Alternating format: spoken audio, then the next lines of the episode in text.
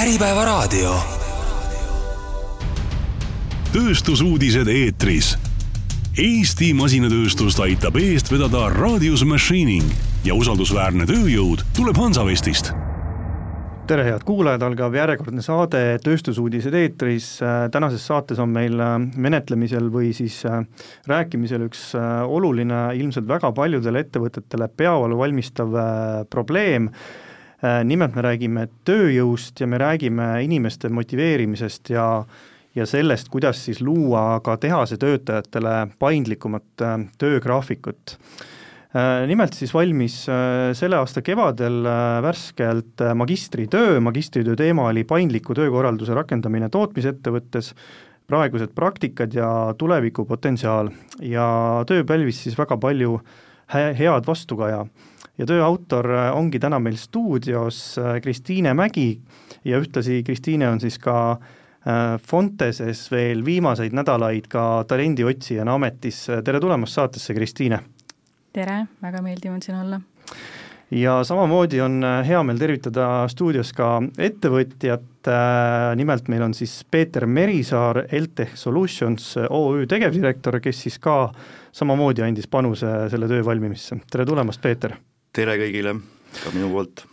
Äh, hakkame siis kohe minema algusest peale, et kuidas siis töö valmis, kust ta alguse sai, kuidas teie, Kristiine, selle teemani jõudsite? no tegelikult Fonteses me viime siis iga aasta läbi palga, palgauuringut, mille käigus siis äh, on ka üks küsimus töötajatele, nagu töö, tööandjatele, kes seal uuringus osalevad, et äh, kas nad pakuvad kõikidele oma töötajatele või millisel määral nad pakuvad paindlikku töökorraldust. ja seal uuringus äh, päris mitmed ettevõtted, tootmisettevõtete esindajad siis vastasid, et jah, et nad pakuvad kõikidele oma töötajatele seda minu jaoks oli see nagu väga üllatav, sest äh, senini on pigem äh, olnud arusaam, et tootmises ei ole võimalik seda teha ja siis ma soovisin seda lähemalt uurida, et kui muidu inimesed siin uurivad enamus neid äh, magistritöid on siis nii-öelda infotehnoloogia võib-olla ettevõtete baasil, et siis äh, soovisin nagu luua väärtust ka nii-öelda siis tööstussektorile ja uurida, kuidas siis annaks seal seda paindlikku töökorraldust nagu ellu viia. Mis siis, kuidas see siis välja nägi täpselt, et äh, ma saan aru, et, et see oli kvalitatiivne uuring, äh, et, et seal ei olnud mitte väga palju allikaid, vaid oligi case by case siis? just, et äh, tegemist oli siis juhtumiuuringuga, et valimisse siis valisin ettevõtted, kes olid siis nii-öelda seal Fontese palgauuringus, pluss lisaks vaatasin siis juurde teisi ettevõtteid, et üks märksõna oli ka peresõbraliku tööandja märgis kus äh, eeldatakse ka tööandjalt seda, et, et oleks nagu paindlikum. Et uuringus osales siis kaheksa ettevõtet, et eesmärk oli see, et need oleks võimalikult äh, erinevatest äh, tööstusvaldkondadest, et esindatud oli siis nii elektroonikatööstus, puidutööstus, metallitööstus, masina- ja seadmetööstus, keemiatööstus ja plastmassi- ja elektritööstus. Et kõik on äh, pika ajalooga ettevõtted, üle kolmekümne aasta tegutsenud ja väga erinevas suuruses, nii et äh, see andis nagu võimaldada siis uurida et erinevaid äh, võimalusi, et kuna kõik to-, tootmised on erinevad, et mis, kus on võimalik rakendada Äh, no Peeter, mismoodi äh, siis, ma saan aru, teie olite üks seda, üks esi, üks, üks ohvritest, kes siis äh, küsimustele vastas, aga enne kui me selle juurde lähme, võib-olla teeme korra väikse põgusa ülevaate, millega LTEH tegeleb? LTEH tegeleb tänasel hetkel elektriseadmete tootmisega, samamoodi minu eelnev ettevõte oli sama profiiliga, ehk siis kuidagi saatuse tahtel on niimoodi juhtunud, et olen kolmkümmend seitse aastat, nüüd siis jookseb kolmekümne kaheksas aasta sellises ettevõttes tööd teha. Ja, ja selliseid momente, kus on töötajatega pidanud nii-öelda äh, suhtlema just nimelt sellistel teemadel, mis siis äh, annaks neile paindliku võimaluse tööl käia, on olnud päris mitmeid kui palju teil, kui suur tiim teil on, palju on tootmistöötajaid, palju on äh, kontori tänasel hetkel on nelikümmend viis inimest, sellest siis kolmandik on äh, tootmistöötajaid. küll aga eelmises ettevõttes, nimelt Tarju Elektris oli äh, kokku kakssada kolmkümmend viis töötajat sellel hetkel, kui mina seal töötasin, ja tootmistöötajad kuskil sada seitsekümmend kuus. nii et päris, päris suur kogus inimesi no kui, kui me räägime tootmistöötajate motiveerimisest või, või neile siis sellise paindliku töögraafiku äh, pakkumisest, et äh, no kui teravaks või ütleme, milline see debatt siis kahe osapoole vahel on, kui palju teie tunnetate seda soovi oma inimeste poolt ja, ja kui palju saab täna tööstusettevõte pakkuda? ütleme niimoodi, et kui äh, suheldes personalijuhiga, siis tänasel hetkel kuskil kolmkümmend protsenti eh, nii-öelda tööle soovijatest eh, soovivad paindlikku tööaega ja küsivad, et eh, millised need võimalused on, küll aga see ei, ei ole tänasel hetkel noh, selliselt määravaks nagu kujunenud aga võimalusi tuleb kaaluda ja kõik need võimalused on nii-öelda eelnevalt vaja läbi, läbi mõelda, et mida üldse pakkuda ja kui, eh, oleneb sellest, milline see tootmisprotsess on, milliseid tootmisvahendeid kasutatakse, eh, millised on inimeste kvalifikatsioon, et see on need, kõik need eeltingimused, et üldse suhe, suhtlema hakata et need aspektid eh, tuleb enda jaoks nii-öelda lahti mõtestada ja pärast seda siis juba konkreetsemalt hakata tegutsema no kui me mõne näite toome LTECH-i eh, tehasest, siis eh, mismoodi te töötate, mis on teie lahendused? täna on niimoodi, et me teeme igapäevaselt üheksa tundi tööd ja reede läheme pool koju, pool kolm koju ja see töötab, see motiveerib, inimesed on rahul? jah, see on niimoodi, et alguses äh, tundus küll, et äh, iga päev natuke kauem olla on nagu ületunni tegemine, küll aga reedene päev jälle vastupidi, tundub nagu oleks laupäev tööl. ja teil on üks vahetus? meil on üks vahetus tänasel hetkel kui me vaatame nüüd neid erinevaid tööstusharusid, et äh, kuidas neid eristada või mis erinevusi sealt välja tuli, kui, kui saab mm -hmm. loetleda mõned näited? ma võib-olla tegelikult hea meelega mainiksin praegu, kuna see tuli teemaks, et äh, nii-öelda see kokkusurutud töönädal, et siis minu valimis rakendasid seda päris mitmed organisatsioonid, kellel muidu äh, nii-öelda päris keeruline, keerulised tootmisprotsessid ja tehnoloogiad ja liin peab kogu aeg töötama, et siis äh, nemad nagu said pakkuda selle kokkusurutud töönädalat ehk siis töötasidki esmaspäevast neljapäevani kümme tundi ja siis oli see reedene päev vaba. Äh, hea näide oli puidutööstuse äh, nagu sektori ettevõte, et äh, nendel oli see, et nad ei saanud seda rakendada küll kõikides tootmisüksustes, aga nad nagu leidsid need võimalused, et üks tootmisüksus, kus ei jäänud need kliendi tellimused nagu, ei olnud nii kiiresti, ei pidanud välja minema, et siis seal üksuses nad seda rakendasid ja tänu sellele nad hoidsid nii energiakulusid kokku, samuti kadus siis ära toitlustus- ja transpordikulu, mida nad tegelikult võimaldasid töötajatele. ja töötajad olid väga rahul sellega, et see sai väga palju positiivset äh, tagasisidet, lisaks äh, siis tootmistöötajate produktiivsus kasvas äh, kakskümmend protsenti. et see oli nagu väga hea näide ja, ja ka teised nagu siis nii-öelda see keemiatööstus Äh, katsetas seda ja ka elektroonikatööstuses on see nagu äh, nii-öelda kasutusel igapäevaselt. et äh, kindlasti ütleksin, et suuremat paindlikkust saab pigem pakkuda siis väiksemates organisatsioonides, kus siis töötajate arv jääb ligikaudu seitsmekümne inimese juurde, et lihtsalt see organisatoorse töö maht läheb nii suureks suurte tööstusettevõtete puhul, et äh, siis tuleb nagu rohkem kehtestada neid reegleid ja ei ole nagu võimalik töötajatele kõiges nagu pakkuda seda paindlikkust ja vastu tulla. et seda siis tõid äh, erinevad äh, personalijuhid välja uuringus aga, aga võib-olla tooksin välja ka selle, et sellised ettevõtted, kus siis on nii-öelda tootmine ja projekt, projekteerimine käivad käsikäes, et äh, nendel töötajatel oli siis lausa võimalik äh, sättida oma graafikut äh, täiesti vastavalt oma soovidele, kuna see oli nagu projektipõhine, et jutt käib siis masina- ja metallitööstusest, ja osad töötajad seal tulidki lausa öösel tööle ja soovisid, sättisid oma graafiku nii, et saaks siis päeva veeta perega. et sellised erinevad näited, et et no LTECHis on, on väike, väiksem ütleme noh, nagu tegemist on väiksema ettevõttega, tootmistöötajaid oli äh, kolmandik, siis ütleme jämedalt viisteist inimest on teil no äh, viisteist pluss, äh, me kasutame tänasel hetkel ka renditööjõudu. okei okay., kuidas teil muidu töötajate leidmise pool praegu on, et, et, et see, see nüüd on hea stiimul, et teil on kokku surutud töönädal, ilmselt see on üks argument, millega meelitada kuidas te tunnetate turuolukorda just tööturul? kui ma just ütlesin, et kasutame ka renditööjõudu, siis järelikult on keeruline. et ei ole meiegi teistsuguses situatsioonis kui kõik teised ettevõtted, just nimelt inseneride pool on tänasel hetkel see, mis meil on nagu teema ja see on raskusi valmistanud. lihttöötajaid leiame veel kuidagipidi, aga just nii-öelda tasemega inimesi, kes oskavad oma tööd teha just nimelt inseneri, inseneeringu vallas, on, on probleemiks tulnud.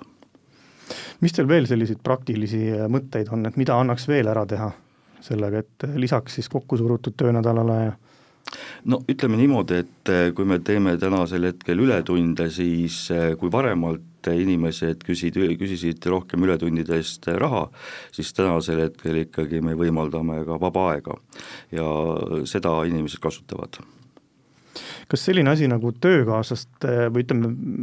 kuidas teil see töökaaslaste eelistamine on, et tegemist on küll väikse tiimiga, aga kui palju seal on sellist, ma ei tea, soove, et, et mina temaga ei taha olla, ma ei tea, kas lähedal töötada või, või, või kuidas see töökaaslaste eelistamise puhul? tänasel hetkel seda ei ole täheldanud, kuid varasemalt Äh, eelmises ettevõttes küll, sellepärast seltskond oli ikkagi suurem. Ja sellega tuli arvestada, läbi jällegi personaliosakonna saime selle informatsiooni eh, nii-öelda ja, ja siis tegime omad eh, korrektiivid tiimides et eh, juba algeoses, et vältida neid tulevasi konflikte. Ja selle, noh, see on päris tõsine teema, kui lasta sellel vaikselt minna, siis äh, probleemid süvenevad ja hiljem see lahenduse leidmine on, osutub tunduvalt keerulisemaks, kui sa nii-öelda algeoses ära elimineerida kuidas sealt uuringu poole pealt just see eelistamise küsimus välja tuli? mida selle tegelikult kohta on? Äh, tuli väga hästi, päris mitmete ettevõtete puhul, et äh, näiteks siin plastmassitööstus, kui nad ütlesid, et äh, vahepeal nagu need tootmismahud on nagu madalamad ja oli isegi mõistlik nagu seal mingeid tiime tõsta ümber ja kokku panna, siis nad tegelikult olid väga suure dilemma ees ja et mida teha, et see on, inimesed on töötanud nagu väga pikalt koos, see tiim funktsioneerib väga hästi, nad tahavad kõik koos töötada ja nad tegelikult ikkagi ei pannud neid nagu kokku, et nad ei, et, et noh, pigem äh, siis nii-öelda jäi see tiim sellisel kujul, nagu ta oli. ja seda näidet tegelikult tõid ka teised ettevõtted, et näiteks kui me teeme siin liinisiseselt võib-olla mingeid asendusi või et seal on osad töötajad, ma ei tea, käivadki suitsupausil, on ju, et äh, need omavahelised suhted nagu peavad väga head olema. et üksteise toetus oleks ja see üksteise asendamine ja et äh, jah kas töö sisu osas, mis sealt välja tuli, et, et kui palju ikkagi äh, tahetakse teha sellist, kuidas me ütleme, leida ka mõtestatumat tööd või, või selliseid keerulisemaid ülesandeid? oleneb jällegi inimesest, et äh, üks organisatsioon, äh, metallitööstuse, tõi küll näite, et nendel noh, sa pead arvestama väga palju ikkagi töötajate eripäraga, et tootmisjuht peab nagu väga hästi tundma nagu oma inimesi, kes tal seal tiimis on, või siis nii-öelda liinijuht ja, ja osad inimesed siis nagu väga tahavad seda, et tahavad äh, proovida uusi asju ja et neid on võimalik siis teha seda rotateerumist seal nagu liinide vahel tõsta ühelt liinilt teisele, tööd tegema, aga samas äh, mõni inimene on selline, kes äh, absoluutselt ei taha, et sellega tuleb ka arvestada. et sa pead nagu tundma oma inimesi. Et tootmisjuhil peavad olema väga head nagu suhted ja see kommunikatsioon on nagu hästi oluline. et see, see nagu jäi minul kõlama kuidas LTEH-il äh, just sisu poole pealt on, et äh, kui teil on küll väiksem ettevõte, väiksem tootmine, palju seal valida saab, palju inimesed liikuda saavad ülesannete mõttes? saavad ikka, selleks me oleme koostanud äh, oskuste maatriksi ja selle järgi siis juba hindame ka inimesi nii-öelda ja, ja selle järgi saame roteerida. et see on ka üks aasta vestluste sisudest, et äh, välja selgitada siis, mis on aasta jooksul nagu toimunud ja millisesse klassi siis keegi lõppkokkuvõttes hakkab kuuluma ja sellest sõltub ka siis nii-öelda sissetulek. see on motivaatoriks ka siis edasipürgimisel. Ja sellest tulenevalt jah, me roteerime ja oleme ise huvitatud sellest, et meil oleks selline suhteliselt homogeenne seltskond koos, et asendus oleks igal hetkel olemas aga ütleme noh, neid soove ikkagi meeskond väljendab, et noh, pidevalt tuleb mõtteid, et tegelikult tahaks seda teha ja tahaks seda ka proovida ja tahaks seda töölõiku teha ja jaa, aga kõigepealt äh, kui me näeme seda sära silmis, et see tahe on olemas, siis ettevõte teeb kõike omalt poolt, et see ka selliselt sünniks. aga me loome ikkagi need tingimused, et see sära hakkaks tekkima. et see ei ole nii, et aasta vestluse ajal tuleb see välja, vaid et jooksvalt see on jooksev tegevus et kogu aeg avaldatakse, avaldatakse küll aga sellel hetkel me teeme neid kokkuvõtteid ja fikseerime selle olukorra. kui põrgatada see pall uuesti sinna uuringu äh, poole peale, et, et äh, mismoodi, äh, kuidas ma ütlen siis, kas parimatest praktikatest, mida veel välja tuua saaks, mis silma hakkas, mida mainiti võib-olla ja võib-olla siis teine pool, et mis tulevikku nähakse mm? -hmm kindlasti siis need ettevõtted, kus siis näiteks ei rakendatud seda väga head näidet kokku surutud töönädal, oli teine asi paindlik vahetuste valik. ja siinkohal me ei räägi sellest, et äh, mis võiks elementaarne on, et inimene saab kaasa rääkida võib-olla, mis päevadel tal siin sobib seda graafikut äh, sättida, vaid katsetati ka erinevaid nii-öelda graafikumudeleid ja tehtigi küsitlusi töötajatele, mis talle võiks nagu sobida ja, ja siis katsetati mingi periood mingit mudelit, näiteks õhtune vahetus ja, ja hommikune vahetus või siis ühes vahetuses. Ja siis sellest tehti nagu siis järeldusi ja vastavalt sellele nagu muudeti neid graafikuid. Äh,.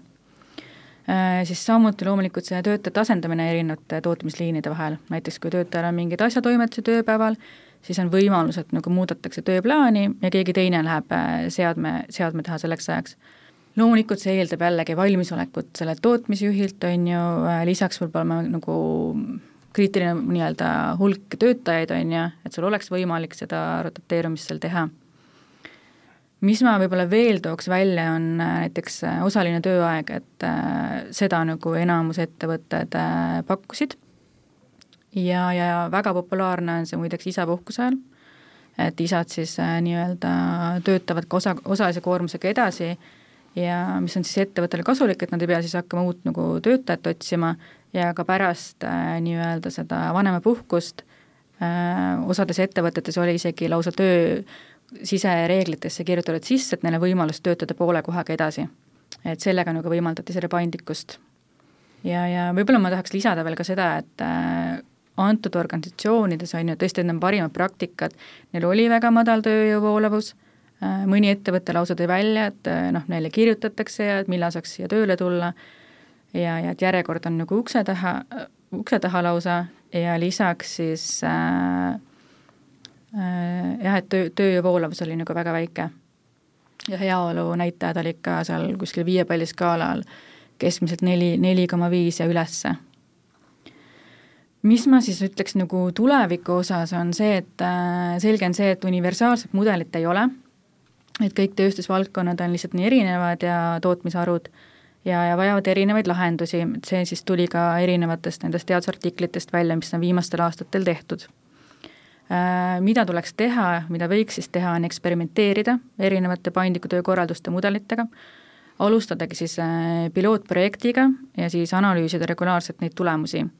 et äh, suurtemate organisatsioonide puhul on kindlasti see oluline, et tootmisjuht siis ja personalijuht ja ka finantsjuht teeks siis nagu omavahel koostööd. et äh, võiks siis kõigepealt luua nii-öelda selle visiooni, et äh, millist töökorraldust me üldse soovime, mis meil tänasel päeval üldse olemas on ja kas meil on õiged inimesed ja juhid tegelikult, kes selle päriselt ka nagu ellu viivad. et kas neil on see valmisolek. et võib-olla need on need nagu märksõnad ja loomulikult õppidagi ja võtta nii-öelda seda, saada inspiratsiooni nendest parimatest praktikatest, et äh, mina loodangi nagu, et minu magistritöö annab äh, mõnele siis nii-öelda tootmisettevõttele nagu seda julgust või tahet või soovi nagu äh, katsetada midagi muud. et lihtsalt, et, et mitte olla nagu kinni selles nagu vanas, et anda siis nagu võimalus nagu uuendustele. ja siis vaadata, kas see siis tõstab töötajate heaolu ja, ja vähendab voolavust ja nii edasi noh, eelmises saatepooles me äh, rääkisime siis nendest äh, võimalustest, et mida ja soovitustest, mida siis ettevõtted võiksid kaaluda, seal käis läbi selline asi nagu osaline tööaeg, ma tean, et see kokkusurutud mudel teil on, see on läbi käinud, kuidas selle osalise tööajaga on praegu, et kui palju seda eeldatakse või tahetakse? Kahjuks või õnneks, eh, kuidas nüüd väljendada, aga tänasel hetkel ei ole see väga päevakorraline olnud. küll aga me oleme arenev ettevõte ja nagu me eelnevalt nimetasin, et töötajate arv on suhteliselt väike, siis ma arvan, et kuskil aasta-pooleteistkümne pärast meil on hoopis teistsugune situatsioon. et eh, kindlasti võtame selle teema endale käsitluseks kuidas nende mudelitega eksperimenteerimine on, et äh, teil on küll süsteemid küll äh, kujunenud välja, on mingid mudelid, mis teil on kasutusel, aga, aga näete veel võimalusi, millega siis eksperimenteerida veel? tänasel hetkel oleme sellises kasvutempos, et ei ole nagu aega eriti palju eksperimenteerida, küll aga jah, loomulikult me tuleme oma inimestele vastu ja, ja ja nii-öelda anname neile võimaluse äh, teha sellised tööd, äh, kuidas nad siis äh, suudavad ja kuidas on neil ka parem. ehk siis loomulikult siin eelpool mainiti isapuhkused ja kõik sellised asjad, et need, see, selles suhtes me läheneme ikkagi igale ühe inimesel personaalselt tänasel hetkel noh, uuringust seal oli küll kvalitatiivne, seal oli kaheksa ettevõtet, kes vastasid et kuidas ma ütlen, kuidas see juhtidega või personalijuhtidega rääkimine oli, et äh, üks asi on ju see, et soovitused, et mismoodi äh, võiks tulevikus neid siis lahendusi katsetada ja, ja kuhu poole liikuda, aga kuidas see usk sellesse on, et noh, tööstus on ikkagi nagu selline traditsiooniline majandusharu, et kui kui kergelt või ütleme, kui potentsiaalne on liikuda üle, et see üleminek ikka ilmselt saab olema päris äh, vaevaline või kuidas need personalijuhid, mis tunnetus jäi nende intervjuude põhjal? mul jäi üleüldiselt, mul jäi väga nagu hea mulje, mul tõesti, mul jäi valimis nagu väga head ettevõtted, väga eeskujulikud ja need personalijuhid olid nagu väga tugevad ja pika nagu tootmisettevõtete taustaga, et äh, üldiselt oli see, et nendel on valmisolek, et nad pigem said inspiratsiooni, et just ma tooksingi selle, see puidutööstusettevõte, et ühes üksuses see jube hästi nagu töötas, see kokku surutud nädal, et otsime veel võimalusi. et küll aga oli äh, ka paari inimest, kes ütlesid, et äh, et jah, et see organisatsioon, organisatoorse töö maht on nii suur, et noh, see oli ka näiteks selle poole kohaga töötamise kohta, et et, et nagu väga ei taha sellega tegeleda. Ja, ja samuti, et need äh, nii-öelda tsehhijuhid äh, ei ole väga vaimustuses sellest äh, paindlikkuse pakkumisest. et sellepärast ma tõingi selle välja, et tegelikult äh, peabki vaatama, et kes, kui sa nagu, nagu päriselt tahad teha selles organisatsioonis mingeid muutusi, et võib-olla peab olema selline uuendusmeelne ka nagu personalijuht ja ka siis need tootmisjuhid nagu peavad olema valmis nagu sellega kaasa minema, et äh, valmisolek nagu katsetada ja, ja proovida et jah, kõigepealt tulekski võib-olla siis ära kaardistada, et kas meil täna on see valmisolek nende inimeste näol olemas et äh, noh, teie talendi ja ütleme, sellise otsijana tööturul äh, ju tegelikult noh, mingisugune tunnetus oli ju enne juba olemas, et nüüd oli hea võimalus minna veel sellesse valdkonda, tööstusvaldkonda sisse selle teemaga. Tuli sealt midagi nagu täiesti üllatavat ka välja, et äh, et noh, üks asi on, tööturul on ikkagi näha, et, et äh, noorem põlvkond kasvab peale, eks äh, sellist paindlikkust ja uusi lahendusi oodatakse ka äh, vanadest tööstusharudest. et, et et kuivõrd see nii-öelda nagu esmapilgul sissevaatamine kattus sellega, mida noored küsivad või tahavad, et ütleme, et noorte värbamisega küll, küll Fontes väga palju värbab nagu tööstussektori inimesi, aga ka nagu pigem siis nagu juhte Äh, aga ma võib-olla ütleks küll, et äh, üleüldine pilt, mis minul on jäänud mulje, on ikkagi see, et äh, väga palju ikkagi selle paindlikkusega nagu ei tegeleta. ja et ei ole nagu väga suurt nagu sellist valmisolekut. et pigem minu jaoks oligi üllatav see, et noh, et mul ettevõttes olidki nagu sellised ägedad organisatsioonid nagu, kes seda teevad ja võib-olla ühe soovituse siis ma annaks veel personalijuhtidele selles osas on see, et äh, näiteks see peresõbralik tööandja märgis, et sellest on nagu hea lähtuda, et äh, seal on nagu erinevad nõuded ja, ja ka, ja kui sa tahad seal mingit kuld- või hõbemärgist saada, et siis ikkagi sa nagu pead ka töökorralduse eeskirjadesse seal kirjutamagi sisse mingid erinevad paindlikkuse võimalused. et äh, jah, minu soovitus on nagu katsetada ja, ja olla niisugune uuendusmeelne Peeter, kuidas äh, noh, teie olete selline uuendusmeelne juht, et ilmselgelt valmis katsetama ja kaasa minema erinevate lahendustega. mis, mida teistele juhtidele siit kaasa anda? no kindlasti tuleks eelkõige vaadata oma tootmisettevõtte protsessid üle milline on see toode, mida tehakse, millised äh, sellest tootest tingitud äh, nii-öelda tehnilised tingimused, äh, kuidas see toote sünnib ja vaadata siis, milline seltskond seda toodet valmistab. Ehk siis läheneda nii-öelda tootepõhiselt ja vaadata siis, kui palju on võimalik seal nii-öelda seda protsessist õhku välja saada, timmida see tootmine selliseks, et see nii-öelda oleks efektiivne ja sealt pealt siis vaadata nii-öelda inimeste roteerimist ja ka siis leida need kohad, kus oleks võimalik inimesi nii-öelda asendada ja asenduses siis leida see vaba aeg, mida inimestele pakkuda. ehk siis kunagi mm, leidsime sellise lahenduse seeriatoodete äh, tiimis, kus siis inimesi oli tol hetkel kuskil seitseteist ja eelkõige nad olid kõik seda meelt, et liigutada see tööaeg varasemaks siis vaatasimegi, et äh, millised on võimalused, et näiteks äh, konkreetne näide, et ladu väljastab äh, päeva nii-öelda detailid, nad suudavad selle kenasti ära teha, oli vaja teada see aeg, lihvisime selle aja selliseks, et nad mahtusid sinna normi sisse, siis tekkis see win-win situatsioon, ehk siis eh, tüdrukud tulid hommikul kell viis, läksid juba pärastlõunat nii-öelda randa ja see süsteem täielikult toimis, aga eeltingimus oli see, eeltingimus oli see, et kõik need eh, nii-öelda protsessid olid meil selliselt eh, mõõdistatud ja meil oli täpselt teada, mis tol hetkel nagu sünnib. See tähendas seda, et me usaldasime inimesi, me suutsime seda produktsiooni kontrollida ja kõik olid rahul kuidas teil praegu on, teil on äh, projekti tootmine ja seeria tootmine, mõlemad? tänasel hetkel meil on üks äh, tootmine, aga me teeme projektitooteid, me ei, ei erista neid tänasel hetkel selliseid, me roteerime inimesi nende projektide vahel nii-öelda ja põhitoodete vahel. Kuidas see töökeskkond on, noh, töökeskkond mängib ka rolli äh, töötajate värbamisel, et kuidas te olete seda nii-öelda tehasehoonet, kui palju teil tootmispinda on ja kuidas te töökeskkonda olete arendanud? arendame, tänasel hetkel me su-, arvame niimoodi, et äh, kuskil äh, järgmise aasta esimesel poolel on meil uus tehas valmis, see tähendab seda, et äh, täna me ehitame ja perspektiivid on päris, päris suured. praegu on kopp maas ja ehitus käib? kopp on maast ära läinud juba, nüüd on juba postid püsti ja hakatakse nii-öelda paneele sisse paigaldama. mis see investeeringu maht on? Jätan praegu välja ütlemata, aga päris suur. ja mis see ettevõttele nüüd tähendab, et äh, järelikult on suur kasv plaanis, kui palju mahud kasvavad, tootmismaht, kui palju käive kasvab? kordades täna ütleme niimoodi, et neli korda kindlasti. neli korda, see on siis käibemaht? ja ma saan aru, et uued turud siis paistavad? uued turud on juba sisuliselt olemas, on vaja tegutseda ja kinnistada neid kui me toome selle tänasesse konteksti, ehk siis töötajad ja nende motiveerimine, kui, kui oluline või kui olulisena te juhina näete seda, et, et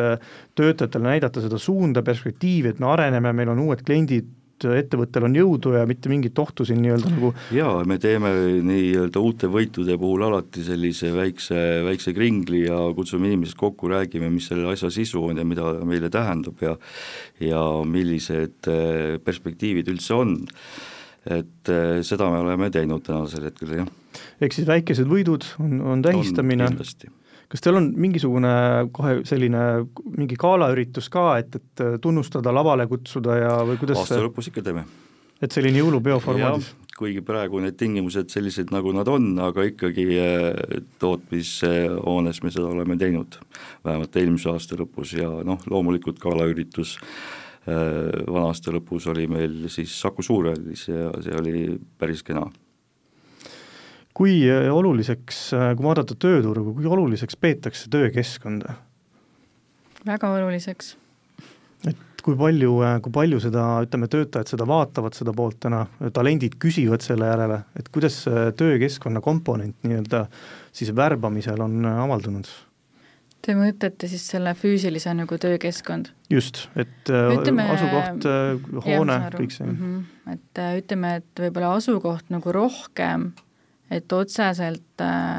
pigem tänasel päeval, nagu me siin täna räägimegi, on see paindlikkus kõige olulisem ja ikkagi see töö sisu. ja see, et töö sisuga võib-olla see, et sul on võimalus teha erinevaid asju, on ju, sul on võimalus areneda. et nagu paindlikkus nii töö sisu kui siis nagu aja osas, on ju. Ja, ja aga nagu jah, võib-olla see töökeskkond praegu ma ei, mina vähemalt enda kogemusest ei näe, et see nagu oleks kõige olulisem. Et pigem küsitakse ikkagi seda, millega ma tegelema täpselt hakkan, kui see ei paista välja ka töökuulutuses, et mis on sisu, siis see on tähtis, et äh, jah, ja samm, samuti ikkagi küsitakse selle paindliku töökorralduse kohta, et see on ikkagi väga oluline. Kuidas nüüd, äh, kui me toome vanusegrupiti, lööme selle laiali, et äh, kui palju see erineb, palju see uuringust välja tuli? et äh, ma ei tea, nelikümmend pluss, kolmkümmend pluss, kakskümmend pluss, et kuidas see noorte ja võib-olla siis ütlen, ma väga pikalt sellest uuringus ei kirjutanud, küll aga ma küsisin nendelt äh, tööandjatelt, et noh, üritasin nagu leida mingeid mustreid, et noh, niisugune keskmine vanus jäigi sinna nagu kolmkümmend kaheksa, nelikümmend kuskil et äh, loomulikult seal oli erisusi, et äh, mingid ettevõtted, mida ma olen ise ka nagu mujalt kuulnud, et kus on nagu ütleme, vanemad, see keskmine vanus on nagu kõrgem, nendel on loomulikult äh, selle paindlikkusele ka nagu madalamad ootused. samas küll aga seal, kus ettevõtted, näiteks palju noori naisi, näiteks üks elektroonikatööstusettevõte, et seal on see ikkagi väga oluline. ikkagi rahulolu uuringutes neil oli eraldi plokid kõik selle jaoks, et just selle paindlikkuse osa kohta, et uurida ja tagasisidet saada ja, ja sealt äh, joondub nagu see väga välja. et kui sul on ikkagi noh, noored inimesed, noored pered, et siis on see paindlik töökorraldus nagu väga oluline tootmistöölisele kas kuskilt äh, joonistati ka ettevõtjate poolt mingisuguseid piire, et jah, me räägime paindlikkusest, me võime rääkida osalisest tööajast, äh, võib-olla töö sisust ja arengust ja nii edasi, kas tõmmati ka mingisuguseid punaseid jooni, et ei, et see pole tööstuses võimalik ja tegelikult sinnapoole ka väga liikuda ei saa ja kas oli mingeid selliseid momente ka mm? -hmm mida nad tõid välja tegelikult, mis on see nagu väljakutse just nagu, nagu personalijuhtidele, et äh, natukene, et äh, mida rohkem seda paindlikkust pakud, selle suuremaks need ootused lähevad ja ikkagi lõpuks noh, sisusse nagu ei, ei läinud nagu, et mis need põhjused seal olid, aga et väga utoopiliseks nagu, et sa ei saa nagu kõiges nagu tööandjana vastu tulla, et need ootused on nagu väga-väga kõrgeks läinud, et seal tuleb kuskil see nagu tasakaal leida, et mis on nagu mõistlik, mis meil on võimalik. et äh, kõiges nagu ei ole võimalik äh, vastu tulla. ja noh, mida suurem organisatsioon, äh, seda keeruliseks, keeruliseks see läheb. ja, ja võib-olla see ka, mis nad tõid välja, ikkagi see enesedistsipliin nagu et ega kõigile, sa annad küll ühtepidi, sa annad selle nagu vabaduse neile, aga samas see eeldab ka nagu suuremat vastutust töötajalt. et äh, sa pead teda usaldama ja jah, põhiline ongi see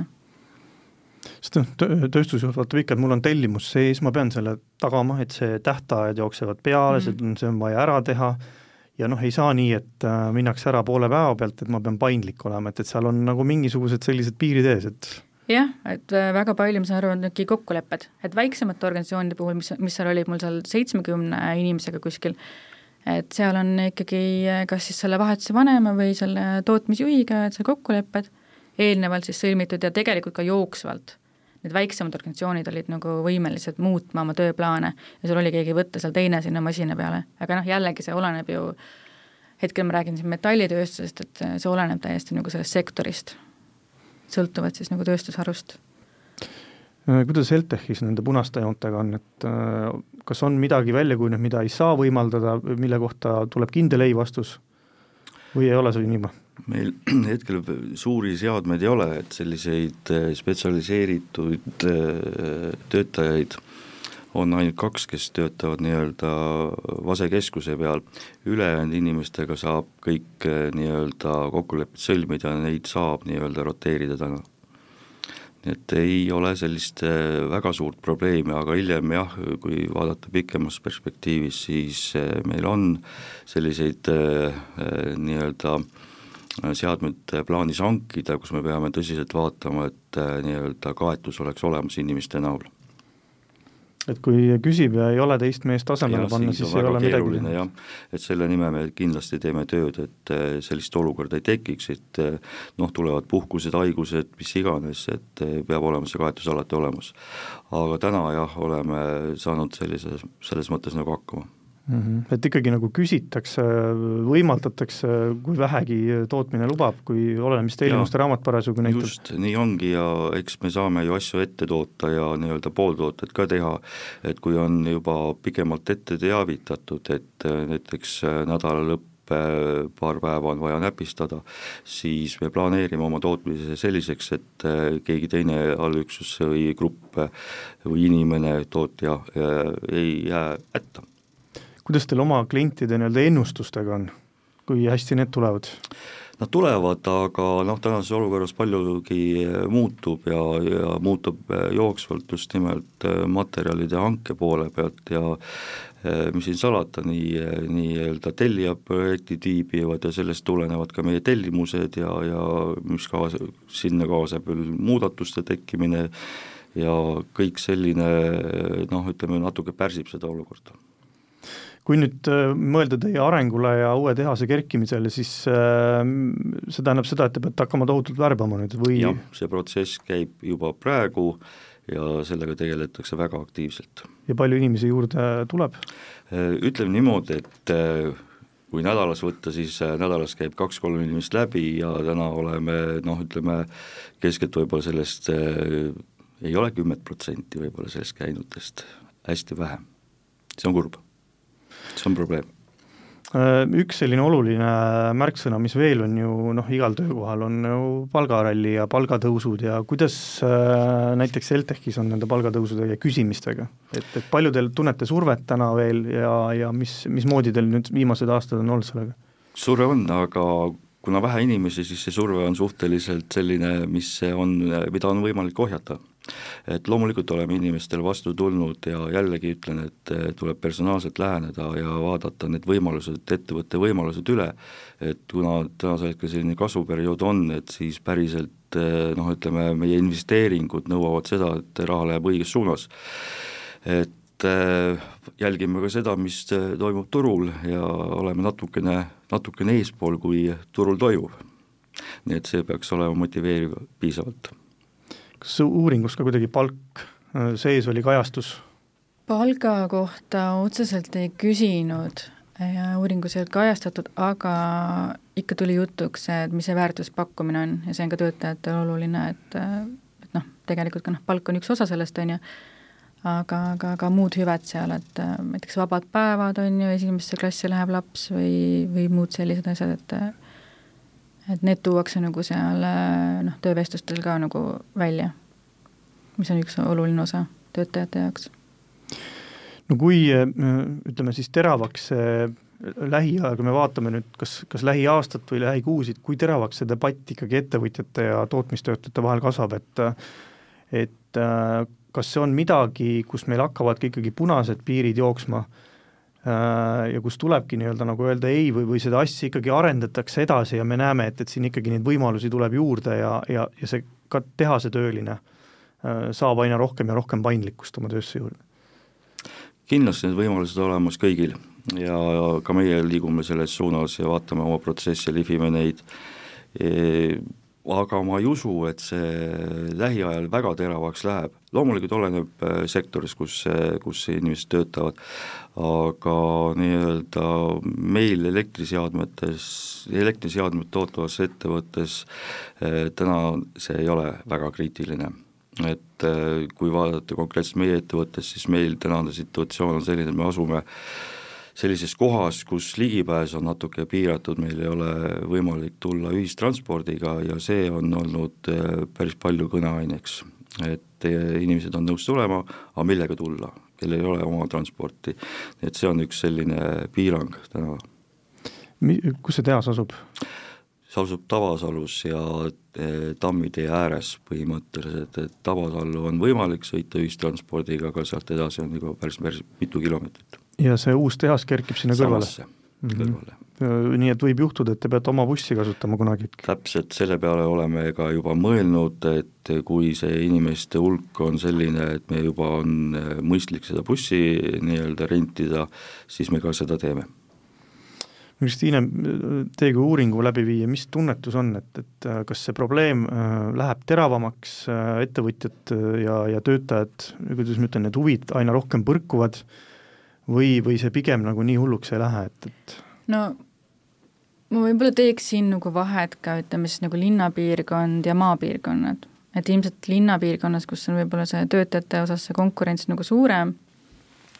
siin on see võib-olla nagu olulisem, maapiirkonda, maapiirkonnas, kus seal võib-olla ei ole seda võimalust nii palju ka valida, et seal ilmselt see paindlik töökorraldus nagu ei ole nii oluline ja noh, praegu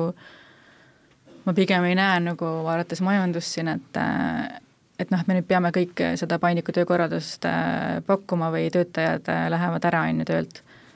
Ehk me võime öelda, et, et noh, need, kes siin on näiteks siinsamas Tartu maantee ääres, kus on meeletult tööstusettevõtteid, nemad väga kergelt hingata ei saa, aga need, kes on kaugemal, nendel on natukene armuaega, et just, et pigem jah, et, et ikkagi nende heade spetsialistide, tootmisspetsialistide üle siin linnapiirkonnas nemad peavad jah, noh, nagu rohkem pingutama selle nimel, et seda paindlikkust nagu pakkuda, et mina seda ei usu, et see kuskile nüüd siin ära kaob, ja, ja arvestades ka seda, et uued põlvkonnad sisenevad tööturule ja nendel on hoopis nagu teised ootused kui seda nagu tänastel põlvkondadel. Meie saateaeg tiksub lõpule, ma annan teile mõlemale korra veel sõna, et, et anda siit häid mõtteid kaasa, need head mõtted on siin muidu kõlanud ka, aga mis on see kõige olulisem asi, millega täna siis tööstusettevõtte juht peaks arvestama, mis puudutab just sedasama paindlikkust? mina ütleks ikkagi, et sellel juhil peaks olema see valmisolek. lihtsalt, et see valmisolek proovida ja katsetada, et sellest algab kõik. et see on, see on nagu kõige olulisem, ma isegi edasi siit ei lähe, et kõik see muu on juba järgmine nagu nii-öelda etapp, et äh, kuidas ja mida me siis neile pakume. aga see, et äh, sa näed seda, pead seda vajalikuks, sa usud sellesse ja, ja, ja katsetad lisaks võib-olla jah, et kui juba mingi otsus on vastu võetud, siis see kommunikatsioon tuleb hästi selgelt edasi anda. et kõik osapooled mõistaksid täpselt, milles see sisu seisneb ja kuidas siis inimesed käituvad vastavalt sellele. et kui tekib selline olukord, et mõnel jääb mõistmata, siis mõnest heast asjast võib sündida rohkem kahju kui kasu et äh, kõigepealt äh, jälgige oma mõistuse häält. sellega siis äh, peame siinkohal tänasele saatele joone alla tõmbama, et julgustame siis katsetama ja, ja ka tööstuse tehase põrandal leidma siis paindlikke lahendusi, kuidas oma töötajaid hästi kinni hoida ja, ja neid motiveerida ja samal ajal natukene ikkagi ka seda kainet mõistust kasutada, et, et mitte päris äh, hulluks minna, et eks meil ikka tellimused peavad ju tege-, tehtud saama, midagi pole teha. Äh,. Saates olid seekord külas äh, Kristiine Mägi, kes on siis äh, viimased nädalad veel Fontese ridades talente jahtimas ja ühtlasi siis äh, magistritöö autor. Ja veel meenutuseks, magistritöö keskendus siis paindlikule töökorraldusele. äh,, Äh, tootmisettevõtetes ja parimatele praktikatele ja ka tulevikupotentsiaalile. ja Peeter Merisaar, elektriseadmete äh, tootja Eltech Solutions OÜ tegevdirektor, aitäh tulemast! aitäh kuulajatele! aitäh kutsumast! selline sai seekordne Tööstusuudised eetris, saadet juhtis Arvo Puusild, aitäh kuulamast!